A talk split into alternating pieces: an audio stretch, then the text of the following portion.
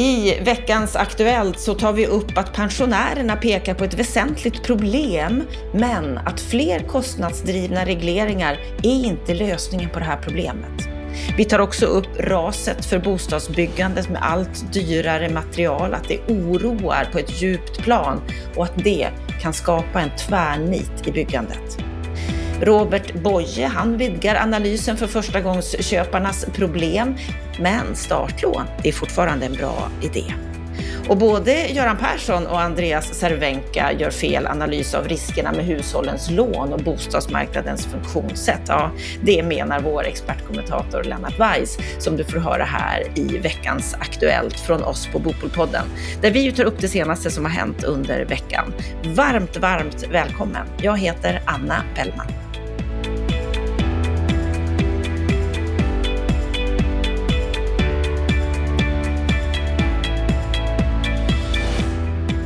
Mm. Och vi ska börja veckans Aktuellt med en artikel från senioren.se om att äldre diskrimineras på hyresmarknaden. Det framgår av en färsk rapport från Diskrimineringsombudsmannen där de menar att deras kvalitativa analys visar att 57 procent av anmälningarna som rör funktionsnedsättning som grund, det handlar om bristande tillgänglighet. Exempelvis att det saknas utrymme i trapphus för rullatorer eller att det saknas hiss eller att hiss inte lagas. Men att många av de här anmälningarna, de leder inte till någon åtgärd eftersom bristande tillgänglighet inte omfattas av diskrimineringsförbudet inom bostadsområdet. Ja, vad säger du om det här, Lennart? Man pekar på ett problem, ja, men det, hela kommentaren präglas ju också av att det är en före detta tillförordnad generaldirektör på Boverket som kommenterar, nämligen Fredrik von Platen, och de älskar regleringar. Och då kan man ju ställa sig frågan, vill vi ha ännu fler hårt styrda regleringar eh, dikterade av Boverket eh, som blir kostnadshöjande? Jag, jag, är inte säker på det. Men här finns ju för all del ett problem, men, men, men jag är inte säker på att man har satt in det i sitt fulla sammanhang. Därför att det är ju korrekt att vi har en stor grupp äldre som är i behovet av anpassade lösningar. Men när jag tittar på de åldersdemografiska eh, graferna som presenteras idag så ser jag ju jag två iakttagelser. Det ena är att gruppen äldre äldre, alltså sådana som är äldre än 80 år, ökar ganska kraftigt nu. Och samtidigt så ökar gruppen familjebildare, alltså de som föddes på 80-talet, väldigt kraftigt. Så du har två liksom, eh, pikar, spetsar i ålderspyramiden. Och då kan man ju tänka så här att eftersom 80-talisterna som nu är i färd att bilda familj, de blir väldigt, väldigt många på ganska kort tid, eh, är i behov av stora bostäder och äldre människor i väldigt stor utsträckning sitter på stora bostäder så skulle det kunna vara en mycket bättre lösning att rent principiellt, i varje fall systemmässigt, försöka koppla ihop de här två problemen, det vill säga rikta investeringsstöd och annat till att bygga nya anpassade bostäder för äldre och på det sättet frigöra bostadsytor för de yngre som de kan flytta till. Som det är nu så ger vi bidrag till att bygga små lägenheter för, för, för ungdomar och det är ju bra som en etableringsbostad men det är ju helt värdelöst om du ska bilda familj. Så att jag skulle skulle nog säga så här, det hade varit bättre om pensionärerna hade vidgat perspektivet något och försökt titta på hela bostadsmarknaden.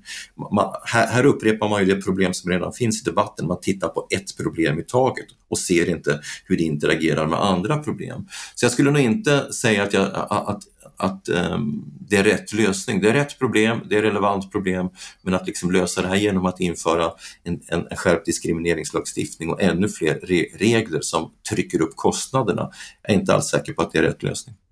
Vi får se hur detta fortsätter. Vi ska fortsätta här i veckans Aktuellt med en artikel ifrån Svenska Dagbladet som heter Ras för nybyggnation när kostnaderna skenar. Alltså trots långa köer för att få lägenhet så drar fastighetsbolagen ner på byggandet av nya bostäder. Eftersom vi har stigande räntor, dyrare byggmaterial så blir det allt svårare att få kalkylerna att gå ihop. Och det här har vi ju nämnt här i Bopolpodden vid flera tillfällen, att det finns tre problem som bostadsföretagen kämpar med idag. Byggmaterial som det är brist på, trä och cement exempelvis, och att det är stigande kostnader för de här byggvarorna. Och dessutom så är det boendens förmåga att betala, hyra eller finansiera en insats. Vad säger du om eh, raset för nybyggnation just nu? Ja, Svenska Dagbladet gör ju en helt korrekt analys utav de här problemen. Jag delar helt problembeskrivningen och du summerade på ett bra sätt också Anna. Jag kan säga att jag är lika orolig som eh, de som uttalas i artikeln. Eh, när det gäller de kommunala bostadsbolagen så, så gick ju Gavlegårdarna ut bara för några dagar sedan och eh, i en presskonferens i Gävle som blev ganska uppmärksammad också på riksplanet och, och klargjorde att de här offensiva planerna som man haft tidigare, de måste man dra ner på drastiskt. Man kan helt enkelt inte med de här stigande byggkostnaderna men också ökade finansiella kostnaderna få ihop en hyreskalkyl som gör att man kommer att kunna hyra ut de här bostäderna. Och jag hade ett samtal med en hög person inom allmännyttan i veckan som ringde mig och frågade har du samma bild som vi? Ja, det har jag. Jag har ju skrivit om det här i Affärsvärlden i en, i en krönika i början på april. Och Veidekkes senaste marknadsanalys som innehåller tre scenarier beskriver ju precis det som sker just nu i sitt pessimistiska scenario. Så att här har det liksom skapats förutsättningar för en perfekt storm. Du har kostnader i botten och du har stigande konsumentkostnader eh, eh, på toppen. Och det gör ju att utrymmet för en, för en affärsmässig kalkyl smälter ihop vare sig developern eller byggföretaget får idag ihop sin kalkyl. Så vi har inga förutsättningar att lösa det här i någon sorts förhandling mellan varandra. Eh, utan jag är orolig för att vi har ett tvärstopp i antalet påbörjade bostäder efter sommaren. Och jag tror att tvärstoppet kommer att vara större i real mening än rent statistiskt därför att det kommer fortfarande påbörjas lägenheter i meningen att de får ett start-PM. Men ett start-PM, det är ju en administrativ påbörjad bostad. Det är inte samma sak som att du börjar bygga. Så att eh, byggandet kommer att minska i officiell statistik men i real mening kommer det minska ännu mer. Och eh, eftersom jag tror att det här inte har några större förutsättningar att kunna bli kompenserat av annat byggande så är jag orolig för hur byggmarknaden ser ut i höst men jag är också orolig för att bostadsbyggandet minskar kraftigt eh, i ett läge när vi skulle behöva få fram bostäder för både de migranter som vi har nu, flyktingar, men också för ungdomar. Och vi har nyss pratat om de äldres behov, så jag är jättebekymrad. Det är ju ett otroligt exceptionellt läge. Vi vet ju inte hur länge krisen i världen, i Ukraina, kommer att pågå. Vi vet inte hur lång tid den här pressade situationen med de här ökade kostnaderna kommer att, kommer att finnas. Det här kan ju få otroligt stora konsekvenser för vår bostadsmarknad. Ja, och eh, det kan det absolut få. Och, och det är ju så här att Alltså den här branschen är ju ganska trög. Om du börjar, vi, ser, vi har ju sett det efter olika kriser att om det sker en väldigt kraftig inbromsning, rent av en krasch, då avvecklas industriella resurser. Personal flyr till andra branscher och det gör att med de här långa omloppstiderna vi har ändå så, så, så tar återhämtningen väldigt lång tid och den sker till väldigt stora kostnader. Så att eh, just i den här branschen är det väldigt fördelaktigt med politiska åtgärder som jämnar ut de kraftiga svängningarna. Men, men det leder också till frågan, vad kan politiken göra? Och jag ska säga det, för ovanlighetens skull så har jag faktiskt inga vettiga svar. Jag vet faktiskt inte vad politikerna ska göra nu därför att gå in och kompensera för byggmaterialhöjningar, eh, ja, nej, jag vet faktiskt inte. Jag, jag, jag, tycker att det är en extremt svår situation som vi har just nu. Extremt svår situation, extremt svårt att sia hur det kommer att gå framåt. Mm. Vi ska, vi ska fortsätta med en annan svår situation. Det är ju detta att just få möjlighet att kunna ta sig in på, på bostadsmarknaden och det blir ju ännu svårare nu. Men då har vi ett, ett förslag om startlån för unga som vi har pratat om här i podden de här senaste veckorna.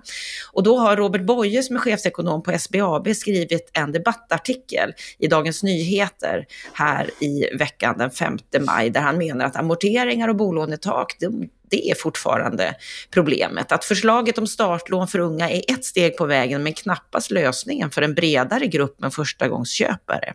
Och att det dessutom är förenat med ett antal svåra gränsdragningsproblem och väcker viktiga principiella frågor om hur man ska se på kreditmarknadsregleringarna i stort. Ja, vad säger du om hans debattartikel här, Lennart? Väldigt välskriven. Robert Boye tillhör våra absolut bästa debattörer eh, i bostadsdebatten idag. Han, han tillför hela tiden nytt material, han analyserar saker och ting på ett faktamässigt plan, eftertänksam och, och, och, och så. så att, eh, eh, man kan, alltså rent allmänt så är jag väldigt positiv till artikeln eh, därför att han belyser det grundläggande problemet. Saken är väl den att det ser ut som att han polemiserar mot förslaget. Jag skulle väl säga att Eva Nordström som har, som har varit ordförande i startlåneutredningen skulle säkert skriva under på hans analys. Men hon har ju eh, arbetat utifrån de direktiv hon fick. Robert Boye eh, refererar ju också till direktiven att, att hon skulle utreda förslag till lösningar som inte så att säga in, eh, verkade ingripande i de kreditmarknadsregleringar som har gjorts. Och det är precis det hon har gjort. Eh, så på det sättet så har hon bara gjort det, det, det regeringen bad dem att göra. Delar jag då Roberts kritik? Ja, både och. Jag är lite tudelad. Det kan som sagt se ut som att eh, han ifrågasätter startlåneförslaget i sig. Man ska ju komma ihåg att länder som, som andra länder eh, som eh, Norge och Tyskland och Storbritannien och Australien och Kanada, de har ju delvis eh, likartade kreditmarknadsregleringar men har ju haft startlån under, under väldigt lång tid. De har, hade dessutom startlån innan de här kreditregleringarna infördes. Varför? Jo, därför att det behövs helt enkelt lösningar för un, unga hushåll som inte har byggt upp ett sparande. Argumentet för det är ju detsamma som argumentet för CSN-lånet. Alltså CSN-lånet har vi för att alla ska kunna söka till högre utbildning och, och, och, och inte spärras bort. Eh, så startlånet argumenten för startlånen står på egna ben. Men Robert har rätt i att det är framförallt den gruppen ungdomar som har goda inkomster som kan skaffa sig en bostad genom att ta ett blankolån som gynnas utav startlånet därför att startlånet kompenserar för de högre kostnaderna för blankolånet. Så i den meningen så köper jag hans analys och, och det jag tror är bra med att han har gått in i debatten, han har ju också fått eh, bifall utav Lars E. Svensson och andra på Twitter, det är ju att nu kanske vi kan få en begåvad debatt om kreditmarknadsregleringarna. För här uttalas det ju en massa dumheter hela tiden om att kreditmarknadsregleringarna är ett sorts konsumentskydd för de svagaste grupperna, men får till följd att de tvingas in i, bo, i boendelösningar som ger dem högre boendeutgifter. Det visar ju bara att de som argumenterar för de här lösningarna inte har gjort hela analysen. Jag säger att du ska ta ett lån när du är ung, om du har förutsättningar att betala tillbaka det. För det är så du, du, du bygger upp din ekonomi, det är så du får lägre boendeutgifter. Den analysen gör inte eh, Finansinspektionen och det klarar inte ledande politiker av att göra heller. Så kanske kan Robert Boyes inlägg och debatten kring startlånen leda till en större och mer begåvad diskussion om olika boendealternativ och vad de ska kosta och, och, och, vilken typ av regleringar man ska ha. Så att mitt slutord i det här är att man måste ha ett eh, livscykelperspektiv på det hela. Det är sunt och förnuftigt att ta ett lån när man är ung. Där har vi kreditregleringar som är ogynnsamma. Men även i en sån bostadsmarknad så behövs startlån. Så att eh, jag köper inte det en del säger på Twitter att det här är plåster. Nej, det är faktiskt en, en systemmässigt klok och bra åtgärd, men den skulle bli ännu mer effektiv om man såg över andra delar utav kreditregleringarna. Och Robert avslutar ju sin debattartikel också med att utredningens förslag är bättre än ingenting och ett steg åt rätt håll gällande möjligheten att kunna köpa en första bostad. Men att det dock är viktigt att en sådan eventuell reform inte tas som intäkt för att stänga dörren för en välbehövlig bredare samhällsekonomisk analys. Mm. Vi ska fortsätta i samma tema, för som du var inne på Lennart så sa du att det kan vara bra att unga faktiskt tar lån och, eh, och sätts i skuld. Men då har vi någon som menar att det ska man inte alls göra. Göran Persson, han påminner i Dagens Industri att den som är satt i skuld, den är inte fri. Han oroas av hög skuldsättning, han ser likheter med 90-talets början, en period som kommer att följas av en ekonomisk kris som vi ju kommer ihåg, en havererad fastighetssektor och kraftigt fallande bostadspriser.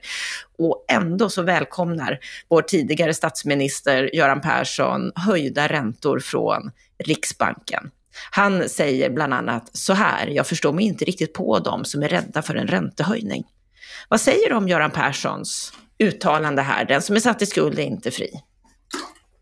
Ja, det är två led i hans resonemang. Det ena är att vi ska inte vara livrädda för en räntehöjning. Där tycker jag att han har rätt. Jag, jag, jag kan nog tycka att reaktionen på den här väldigt måttliga räntehöjningen vi har fått och även på den räntebana som Riksbanken levererar är, är anmärkningsvärt. Eh, Alarmistisk. Vi vet ju att bolån idag prövas och har gjorts under lång tid mot en bolåneränta på 6, 7, 8 procent. Och vi vet genom Finansinspektionens bolånerapporter att hushållens motståndskraft är väldigt hög.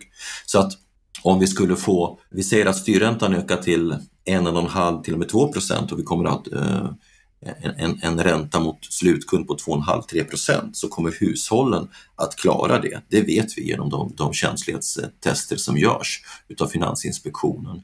Och i ett historiskt perspektiv är det ju ingen dramatiskt hög ränta heller. Sen kan naturligtvis Eh, en räntehöjning momentant ger ett, ett, eh, mindre prisfall på andrahandsmarknaden och då påverkar det nyproduktionsmarknaden. Men eh, det kommer då innebära att i takt med att inkomsterna återhämtar sig så, så kommer priserna att stabiliseras. Så att den här oron för en 90-talskrasch som han ser, det ser jag överhuvudtaget inte. Där är han helt enkelt inte särskilt bra påläst. Jag rekommenderar att han pratar med sina egna chefsekonomer på banken för de, de har förutsättningar att ge honom bättre information om saken. Det finns ett litet drag av opportunism här som jag inte gillar, även om jag är ett stort fan av Göran Persson i övrigt. Men hela det här uttalandet, det här, det här, det här citatet som flyger, den som är satt i skuld är inte fri, är ju i sak helt felaktigt. Därför att det syftade ju på den offentliga ekonomin där man hade skuldsatt sig för att finansiera löpande utgifter. Den som tar ett bostadslån eller den som köper en herrgård i Sörmland, han har ju en tillgång. Göran Persson har också lån, vilket gör att man skulle egentligen kunna säga att när det gäller bostadsmarknaden så kan man säga att den som inte har ett lån saknar också realtillgångar. Och det är realtillgångar som gör att du i långa loppet har förutsättning att bygga upp en robust ekonomi. För vad är det som händer nu på bostadsmarknaden i övrigt när eh, inflationen ökar? Ja, för hyresbostäder så får det till följd att hyrorna ökar. Men för dig och mig, Anna, som äger bostäder så får det till följd att vårt lån urholkas. Det inflateras ju bort. Det, det, det, amorteras ju bort av inflationen och det var ju det som var den stora effekten på bostadsmarknaden med den stora inflationen vi hade på 70-talet och delvis också på 80-talet. Det var vi som ägde bostäder som var vinnare. Så att nu måla upp ett skräckscenario för de som äger bostäder, det är ju ett historiskt perspektiv en helt felaktig analys. Och så har vi ju återigen den här grundläggande felanalysen vad gäller bostadsmarknadens funktionssätt. Jag kan ju inte förstå hur det kan vara rationellt att säga att det är bättre att inte ta ett lån och gå in i en bostad som ger dig en högre boendeutgift. Hur kan det vara bättre för hushållets ekonomi?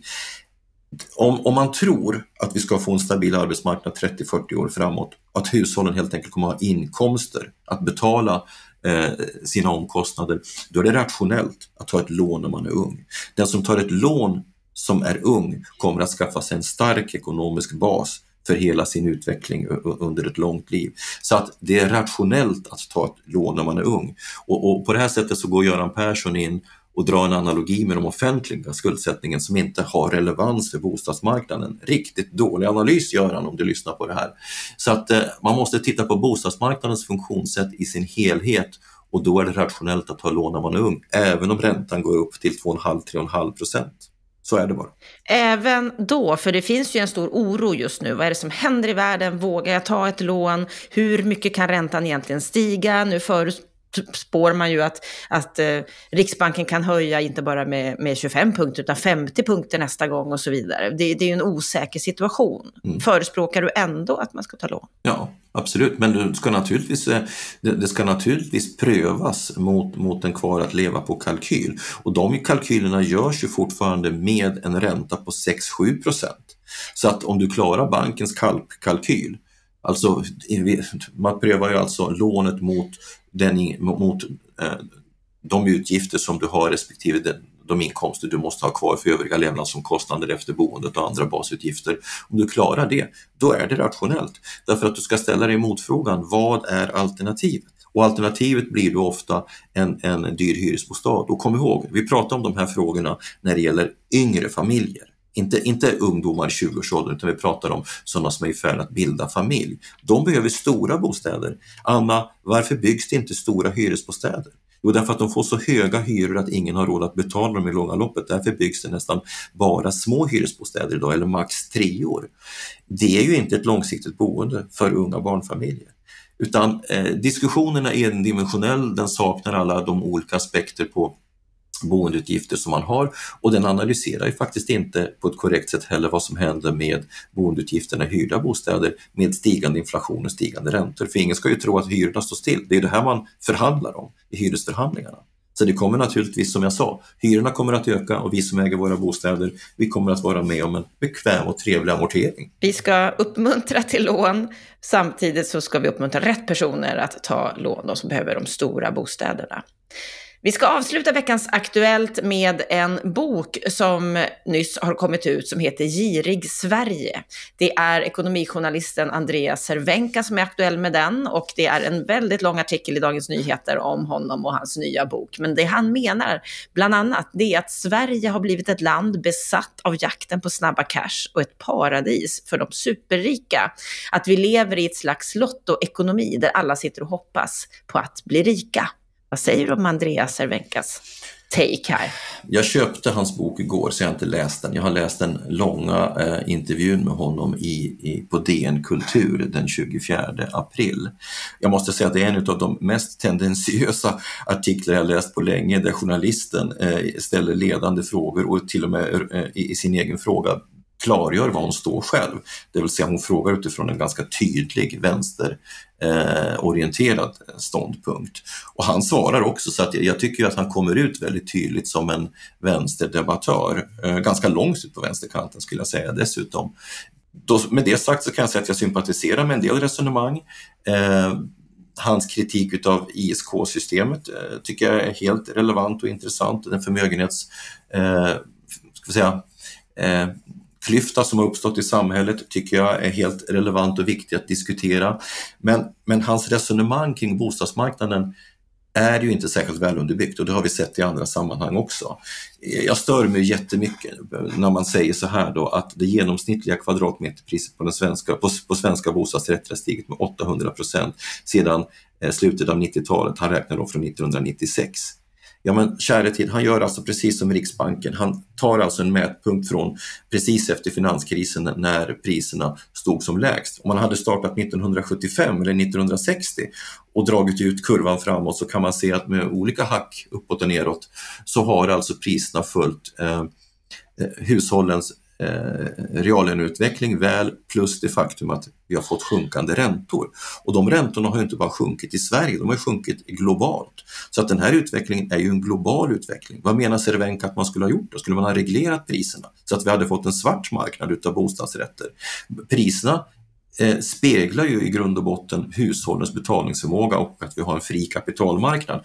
Och det är där Cervenka för resonemang som, som, som jag menar är rent ut sagt stolliga. Jag började läsa hans bok Vad gör en bank? Och så skriver han i, ett, eh, i, en, i en passus i början av texten, titta på den här fantastiska tillväxten vi haft de senaste eh, 25-30 åren. Den har varit oerhörd. Men tänk om den hade kunnat ske utan den oerhörda skuldsättningen som har skett. Ja men ursäkta mig, han tror väl inte att den här tillväxten har skett utan att det fanns, skapades finansiella resurser. Den fina, alltså avregleringen av, utav, av kapitalmarknaden, finansmarknaden på 80-talet har ju varit drivhuset för den oerhörda förmögenhetstillväxt som har skett i bostäder och aktier och även ekonomiska utveckling. Så att han gör ju, tycker jag, en, en väldigt vänsterpartistisk analys i just de här frågorna. Och även när det gäller hans resonemang om att eh, hushåll med vanliga löner inte har råd att skaffa sig en bostad, som till exempel poliser då, i, i våra storstäder, så beror inte det på att inkomsterna inte räcker till. Det beror på kreditregleringar. Så att jag tycker att eh, det här är egentligen, när det gäller bostadsmarknaden, ett, en, en copy-paste på de tokigheter som Finansinspektionen ger uttryck för, liksom samtidigt väldigt starkt vänsterorienterade ekonomer. Så att jag tycker inte att han är någon särskilt tung debattör när det gäller bostadsfrågor. Mm. Vill du bilda dig din egen uppfattning så ta och köp boken Girig Sverige och läs vad Andreas Cervenka skriver där. Vi ska avsluta veckans Aktuellt med att ge en hint om vad vi får lyssna på på måndag. Därför att då ska vi få träffa Martin Grander som menar att 14 kommuner tar inte riktigt det bostadspolitiska ansvaret när det gäller bostadsförsörjningen. Kommunerna är ju väldigt starka i Sverige, det har de alltid varit. Jag tror det finns också en, en väldigt stor poäng att vi har ett kommunalt självstyre. Det är som en grundbult i vår demokrati. Så jag tror att Eh, I likhet med Karolinska Skogs utredningar alltså, det är svårt att gå in och, eh, och rucka på det kommunala självstyret. Eh, man skulle få eh, väldigt många emot sig om man gjorde det de försöken. Men däremot så tror jag att eh, det här skulle kunna leda till en, en ökad debatt och diskussion om de här frågorna eh, om just eh, det nationella, det regionala och det kommunala ansvaret så att säga. Och, och, eh, så det hoppas jag på att, att vi kan bidra till med den här rapporten. Ja, där hörde du Martin Grander. Hela samtalet, det får du höra på måndag. Kommer också att kommenteras av Lennart Weiss. Med eh, detta så önskar vi dig en solig och fantastisk fin helg.